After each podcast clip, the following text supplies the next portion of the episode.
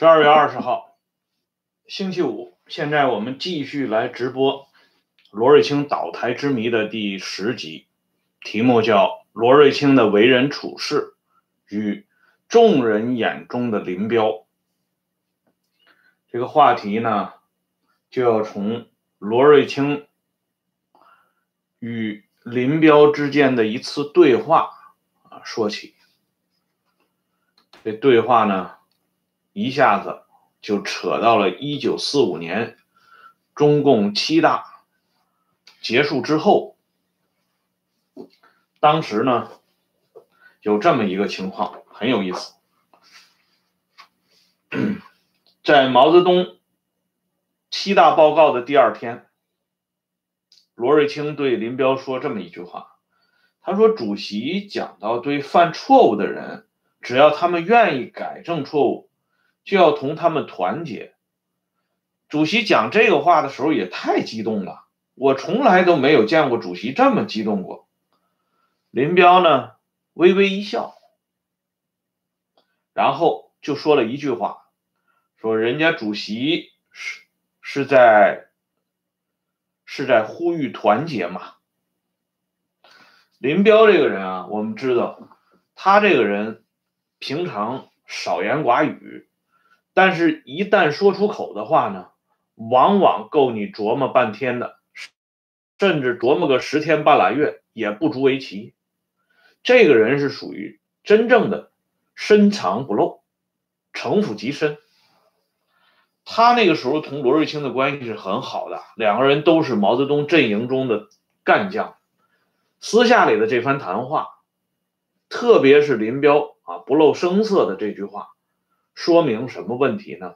说明在琢磨毛泽东这件事情上，林彪啊甩罗瑞卿不知道几条街。揣摩领袖是领袖身边亲信的必修课和基础课，必修课和基础课不及格，那早晚是毕不了业的。而在这个方面呢？林彪较之其他这些亲信来说呢，他做的是最好的。实际上，林彪的这句话，也就是高度的概括和浓缩了毛泽东的那种激动的表情。在一个时间段里边，需要做一件什么样的事情，目的和策略都是要统一的。策略越到位，目的达到的概率就越高。这就是毛为什么要激动的原因，因为要一统江湖了，要整合天下了，所以呢，就要拿出一副兼收并蓄的这个大度的态度来。只有这样的态度呢，才能感染更多的人。在这一方面呢，罗瑞卿没琢磨过味儿。这件事情呢，引起了一个。小小的题外话，就是在西汉初年，这汉朝建立，刘邦大封功臣，萧何这些人首屈一指，封为侯啊，第一侯啊。因此呢，一些武将们就非常不服气，说我们在外边东挡西杀。风里来雨里去，血染征袍。萧何就坐在家里边，凭什么封为第一侯？刘邦就给他们举一个最浅显的例子，他说什么呢？刘邦说：“你们都知道打猎吧？打猎，这打猎的人啊，带着一些鹰犬到郊外行猎，那立功的呢？”工人，也有公狗，帮忙打猎骑在马上的，这叫工人，立功的人；跑在下边的那些狗叫公狗。工人和公狗待遇从来都不是一样的啊！这样呢，这些武将终于听明白了，闹了归齐啊，自己不过是一条狗，所以呢，他们的怒气就平息了。刘邦的这个比喻，应该说是恰到好处的说明了功臣之间的这种等级差异。相比较而言，林彪就是毛泽东的工人，罗瑞卿是毛泽东的公狗，这两者之间是有着巨大的差异的。不管你承认还是不承认，事实如此，如此啊。实际上，下级啊在琢磨上级，上级呢也在琢磨下级。有的朋友在前几期的节目回复当中啊，提到这么一段话，他说：“这罗瑞卿他怎么就不知道自己已经面临着万丈深渊呢？”说实话。罗瑞卿不知道自己面临万丈深渊，后边的林彪红的发紫的时候，他何尝知道自己面临着万劫不复呢？也不知道。在这里边呢，一方面是权力的这种春药呢在发酵，让人呢已经是晕头转向，不知所以然；再一方面呢，就是咱们这位伟大领袖的演技，那真的是。啊，像后来给他上的这个四号一样，炉火纯青啊。这里呢，我举两个例子，一个呢是回应刚才我提的那句话，上级也在琢磨下级；再一个讲一下伟大领袖的这个炉火纯青的表演艺术。我们来看一下这本书啊，大将谭政啊，这位气宇轩昂的大将军。谭政曾经在井冈山时期做过毛泽东的秘书，以后呢做到中共八届中央书记处书记、中国人民解放军总政治部主任。一九五五年被授予大将军衔。这谭政跟毛泽东是很久的，而且谭政这个人对毛的一系列的讲话。思想方法那是亦步亦趋，从来不打折扣。一九三八年四月，当时的谭政三十二周岁，毛泽东在与谭政谈话之间呢，不经意的问到谭政一句话：“谢谢贺先生打赏啊。”他说：“谭政啊，你有没有想过？”我们两个人的名字是不是一样啊？谭政当时就懵了，说：“谭政怎么能想着啊，领袖的名字和自己的名字一样呢？”他就不知道这个领袖这么问啊，是依于湖底啊，不知道这话从何说起。然后呢，毛泽东又接着说了一句话，他说呀。你知不知道这个汉字“念”啊？这就是汉字当中代表二十的意思。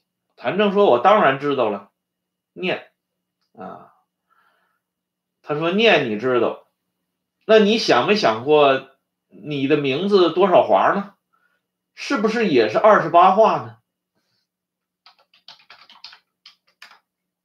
谭政的“谭”字呢，在那个时候是繁体的啊，言字旁，数下来正好二十八画。毛泽东说：“我毛泽东的名字数下来也是二十八画，所以说我们两个人的名字都是二十八画。”谭政听到这里，自己呀暗自数了一下自己名字的笔画，果然二十八画。哎呀，谭政。吃了一惊啊！这领袖啊，当时一九三八年，毛泽东刚刚啊开始掌握军队，刚刚走上这个党内的核心层，居然在百忙之中啊，还能想到千里之外谭政的笔画啊，名字的笔画数字，这真的是让谭政大吃一惊。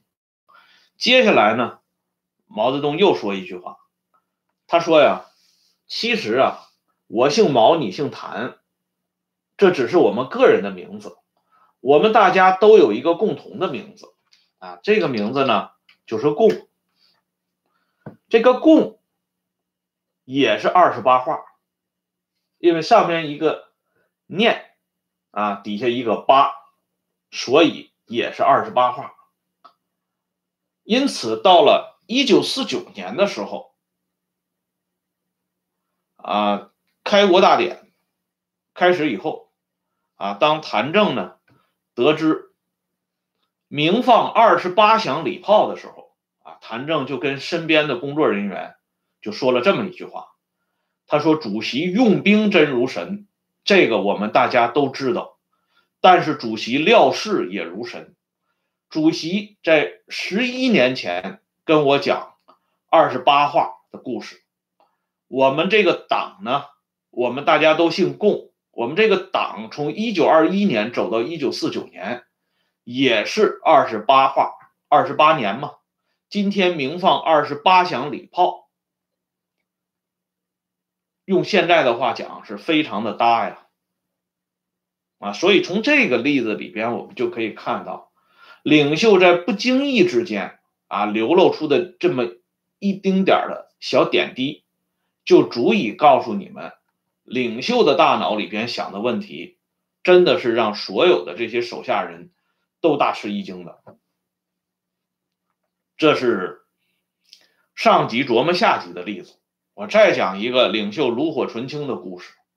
我们都知道，在一九五八年反教条主义中落马的那位军功显赫的元帅刘伯承，刘老帅呢，因为这反教条主义，差一点儿。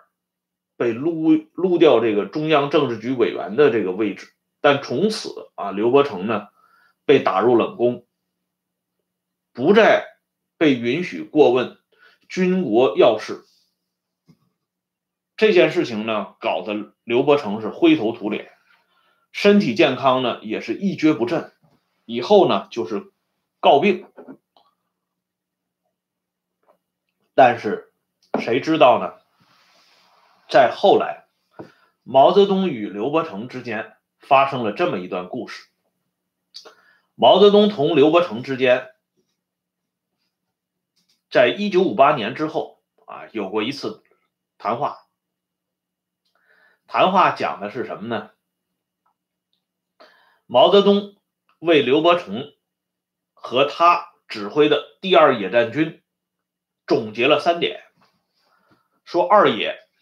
最能打仗，能打苦仗，能打硬仗。谢谢老弟打赏啊！同时呢，还能背黑锅，别人背不动的黑锅，二爷从头背到尾。这就指着千里跃进大别山。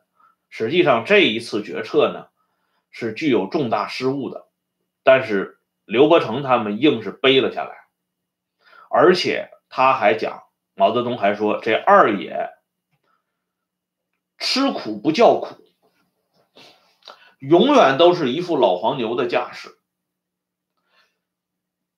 居功不自傲。二爷的名声在国民党那里名气最大。黄维兵团的首脑黄维被俘以后，黄维就讲过，他说我们这个嫡系的。十八军、十一师啊，蒋介石土木系的中坚力量，在我们的这这支啊老王牌部队当中，就盛传着最怕的就是同中原野战军中野交手，因为中野的这些人玩命啊，啊，我们都知道这二野、中野啊都是一回事啊，他的底子实际上就是鄂豫皖四方面军的这些人过来的。所以毛泽东给这个中野、二野呢极高的评价。这刘伯承啊，听到这里，那是热泪盈眶啊，非常激动啊。激动到什么程度呢？激动到当时刘伯承的眼睛啊，实际上已经看不清楚东西了。他呢，哆哆嗦嗦的用自己的手去摸了一下毛泽东。啊，这是表示对这领袖啊同自己之间的这番谈话的一种极为感动的动作。这段话，有的朋友或许要问啊，你讲的又是啊这个神情并茂，哪儿来的呢？我可以跟大家说一下这个出处。这个出处呢，就是我在做一期吉鸿昌的节目里边提到的那个著名的王林日记。刚才我讲这刘伯承和毛泽东之间的谈话呢，就是天津这位著名作家王林的儿子王端阳的日日记当中披露出来的。当时王端阳在昆明军区，啊，一个老同志向王端阳讲述了这段往事。王端阳专门把这件事情记到日记里边，所以王林、王端阳父子的日记呢是极具史料价值的啊。这些不要看这些小人物啊，这些小人物的日记那是非常值得挖掘的。所以我们看一下这场全军反教条主义声势之浩大，可以说是。前无古人了。邓小平在前台拼命的反击教条主义，其后台老板就是毛泽东。而伟大领袖呢，在反教条之后，居然能够心中毫无顾虑的拉着刘伯承的手，说了这么一番让刘伯承感激涕零的话。想想看，这伟大领袖的领导艺术，难道不是炉火纯青吗？这么炉火纯青的领导艺术，咱们说一下，这林彪和罗瑞卿，他能不掉到坑里吗？换谁你也掉到坑里去啊！所以呢，一旦掉进去，自然也就不能自拔了。这里呢，我们来说一下，刚才我们提到的这位大将军谭政，毛泽东对谭政可以说是推心置腹。啊，连这笔画数都能记得一清二楚。可是到了一九六零年，因为三八作风这件事情，谭政同林彪之间发生小小的分歧。啊，谭政无非是认为林彪总结的这个三八作风啊，同这个我们熟知的三八国际妇女节这名名字上啊有所冲突，这么提。是不是容易引发歧义？就这么一个小小的建议，惹得林彪勃然大怒，跑到毛泽东那里去告状，说这谭政啊，他阻挠四个第一，阻挠突出政治。毛泽东本来对谭政在一九五九年庐山会议上的表现就不太满意，因为庐山会议后来拆零。合整的时候并成三个大组，谭政的副组长就被给抹掉了。实际上呢，就是毛泽东觉得谭政在批判彭德怀这件事情不够打冲锋的资格，所以就把谭政换掉了。从另一个角度呢，也可以看出来，毛泽东对谭政这么一个亲信人物，你在最关键的时候，领袖最需要你的时候，你居然冲不上去。这里呢，我要提一句啊，江青在文革初期曾经跟大家呃讲过一个演讲，叫“为人民立新功”。这个标题非常值得大家琢磨。这个人民是有专专指的，人民指的其实就是领袖。那什么叫立新功呢？就是说，你要不断的在吹捧。和制造个人崇拜这条路上越走越远，不断的为领袖的诸多光环当中添取最亮丽的一枚，否则的话，你就是躺在过去的功劳簿上呼呼睡大觉，吃老本儿。这样的人，领袖最终是让要把你抛弃的。实际上，谭政呢就有吃老本的嫌疑，因此呢。这领袖对林彪的告状呢，就批准了，因此谭政的厄运也就来了啊！谭政的厄运可以说是还比起后期的罗瑞卿这些人要轻得多啊！只不过呢，是总政治部主任、中央书记处书记。别干了，降为总政治部副主任。以后呢，在文化大革命当中，因此被关押多年。出来以后，放出来以后，这个人的神志已经不是特别清楚了。但是谭政的老婆呢，也是一个挺有喜感的人。在一九七一年九幺三事件发生以后，谭政的老婆王常德在得知林彪一家人摔死在温都尔汗之后呢，王常德哈哈大笑。这哈哈大笑之后呢，心脏病突发。老太太就一命呜呼了，啊，这是一个，呃，悲剧当中的喜剧，很有意思，特别像这个传说中的那《岳飞传》里牛皋的那个最终的结局一样，啊，笑死的，也可知呢，这谭政夫妇俩对林彪的憾恨之深，但是呢，他们没有办法，或者说他们也不敢去追究林彪幕后的那个老板。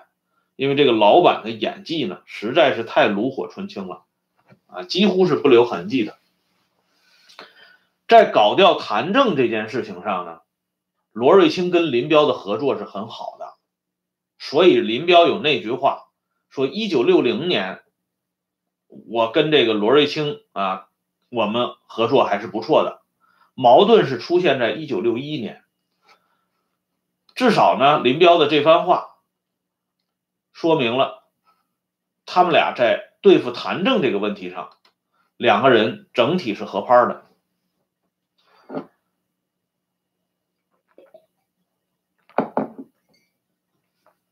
但是呢，昨天有的朋友就问这么一句话，他说：“你昨天讲的孙勇听到的叶群当着孙勇的面同江青大骂罗瑞卿。”发生在一九六零年上半年，这是不是林彪多疑啊引发的？实际上，罗瑞卿是不敢这么做的。我认为这个朋友啊，分析的基本到位，可以说这个节目呢，这位朋友没有白听啊，这个判断是基本准确的。这样呢，就要从罗瑞卿和林彪这两个人在性格上的缺陷说起，这就是今天讲到的罗瑞卿的为人处事。罗瑞卿这个人呢，我们知道啊，他的特点是什么呢？这个人是威风不知自忌啊，威扬不知自忌。一旦得势之后呢，他的这种张扬的性格控制不住，所以这个人的骄横，他的跋扈，实际上都是从这上面来的。西方人经常说那句话：“性格即命运。”这个话其实是很有道理的，只是说呢，你像罗瑞卿的这种张扬的性格，林彪的这种阴质的性格，在寻常人等当中呢，并不罕见。有的人比较张扬，有的人啊比较阴险，这个很正常嘛。龙生九种，种种不同，亲哥们之间还不见得都是一样的。可是问题就出在制度上面。因为如果是一个正常的制度下，有这种性格缺陷的人，即使是爬到一定的高位上，他不会一直让他干下去，他有一个任期的限制，啊，到点儿你就要下课，而且呢，你的权利也没有大到无边的程度，是受到监控的，所以你造成的祸害呢也是有限的。可是，在人治的情况下。这种性格缺陷，连同手中不断膨膨胀的权力，和背后有人故意的怂恿，这样呢，就让这种危害变得越来越可怕。而罗瑞卿和林彪针尖对麦芒，这两个人的分手，事实上就是这两个人性格缺陷最终决定出来的结果，一丁点都不奇怪。罗瑞卿这个人呢，放在古代年间，这是一个典型的啊权臣和佞幸的双重表现形式。这种人呢，就是抓权，什么权他都抓，什么事情他都过问，仰仗着老大对他赋予的特殊的信赖和信任。这里呢，我们举两个例子啊，一个是北周的进攻宇文护。这个距离大家这个年代有些久远了，我就不详细描述了。再一个呢，大家都熟知的清朝末年那场著名的热河政变，主角之一，顾命八大臣的灵魂肃顺。肃顺这个人啊，出身于中氏爵罗，黄带子出身，但是他是在家里排行老六，轮不上他袭爵，因此呢，他早年的生活比较困顿。后来发迹之后呢，得到咸丰皇帝的重视，一跃而成为协办大学士、御前大臣、户部尚书，手握大权。这个人的专横跋扈，那在清朝末年的历史上，那是有一号的。这路人呢，他有一个共同的特点，就是疏阔。什么叫疏阔呢？就是比较麻痹大意，因为他认为老大对我。非常信任，啊，我跟老大之间那简直就是亲密无间。罗瑞卿自己不是说吗？我们跟主席的关系那是棒打不散的，就是这么这么铁啊，铁瓷。所以呢，在他看来，只要老大对我一如既往，那你们这些人都不在话下。所以他这个脑袋里他没有那根弦儿绷不紧，因此你看。在热河政变之前，敦亲王奕从曾经在酒桌上就提醒了肃顺一句话。他说：“哎，这奕从呢，也是这爱新觉罗家里的有名的大嘴巴。”他就对肃顺说：“他说老六啊，因为都是哥们儿嘛。他说老六，人家要砍你的脑袋呢。”这肃顺根本就没当回事儿。肃顺大大咧咧的就回应：“啊，砍，砍吧，没问题，拿刀来砍，根本不在乎。结果呢，真的是不幸而严重啊！当然，一从为自己的这句大嘴巴也付出了一辈子的代价啊。那肃顺付出的代价就更大了。所以，罗瑞卿这个人，他根本就没想到林彪。”会搞他，而这位他自认为棒打不散的领袖，居然同意林彪搞他，甚至呢，领袖也为他做了结论了。搞掉罗瑞卿之后，毛泽东同地方的这些省委书记们啊，包括江西的省委书记方志纯呢，这些人，毛泽东专门有过一个谈话，就说罗瑞卿这个人盛气凌人。应该说呢，毛对罗瑞卿的这个定义，说实话，抛开那种特定的历史背景来讲，定义还真的比较准确的。罗瑞卿确实是盛气凌人，否则他不会得罪一大堆的这些元帅，连那位啊一度跟他过从甚密的叶帅，最后在罗瑞卿垮台的时候，叶帅都已经啊兴奋到什么程度了？当场为大家演唱《苏州评弹》呢？那《苏州评弹》我们都知道那是陈云的专利啊。结果人家叶帅当场下海，现场表演，满座皆惊啊！没想到咱们的叶帅还有这么一绝活，那轻易都不露的。如果不是兴奋到了一定程度，他能表露这一这这东西吗？啊，我们后人能知道有这件事吗？所以说，就是罗瑞卿。已经把大家真的已经得罪到墙角那儿了，都已经是属于退无可退了。所以一旦老大批准，老二招呼，那还不是群殴啊？必须乱棒打死啊！这罗瑞卿啊，实际上栽到他自己性格上面呢，很大的因素啊。实际上在罗瑞卿身边经常晃的这萧华，看得比罗瑞卿清楚。林彪当时发脾气。啊，一九六一年发脾气，罗瑞卿那个时候还莫名究竟呢，不知道怎么回事人萧华呢，私下里就拉着这罗瑞卿说了这么句话，他说：“林总啊，是不是想你跟贺老总走得太近了？跟贺龙，就是说跟贺龙走得太近了。”这罗瑞卿脑袋晃得跟拨浪鼓似的，不可能啊！啊。那林总和我的关系以及我同贺老总的关系，这不是不言自明吗？那明眼人一下就看出来了。我跟林总什么关系啊？我们多少年了？我跟贺老总那就是工作上的往来啊。他还不相信，直到罗瑞卿已经身陷绝境的上海会议期间，肖华还情不自禁地说出那么句话：“他说你太突出了，太突出了。”就这，啊，罗瑞卿居然还要找林彪去当面对质，难怪周恩来都说了，你太天真了，啊，既突出又天真。你想想，你不落马，谁落马呢？那么林彪在这个问题上，他也有他的性格缺陷啊。林彪的性格缺陷更明显。林彪这个人呢，他同罗瑞卿不一样啊。罗瑞卿是毛泽东驾前的锦衣卫指挥使啊，纪纲这一流的人物。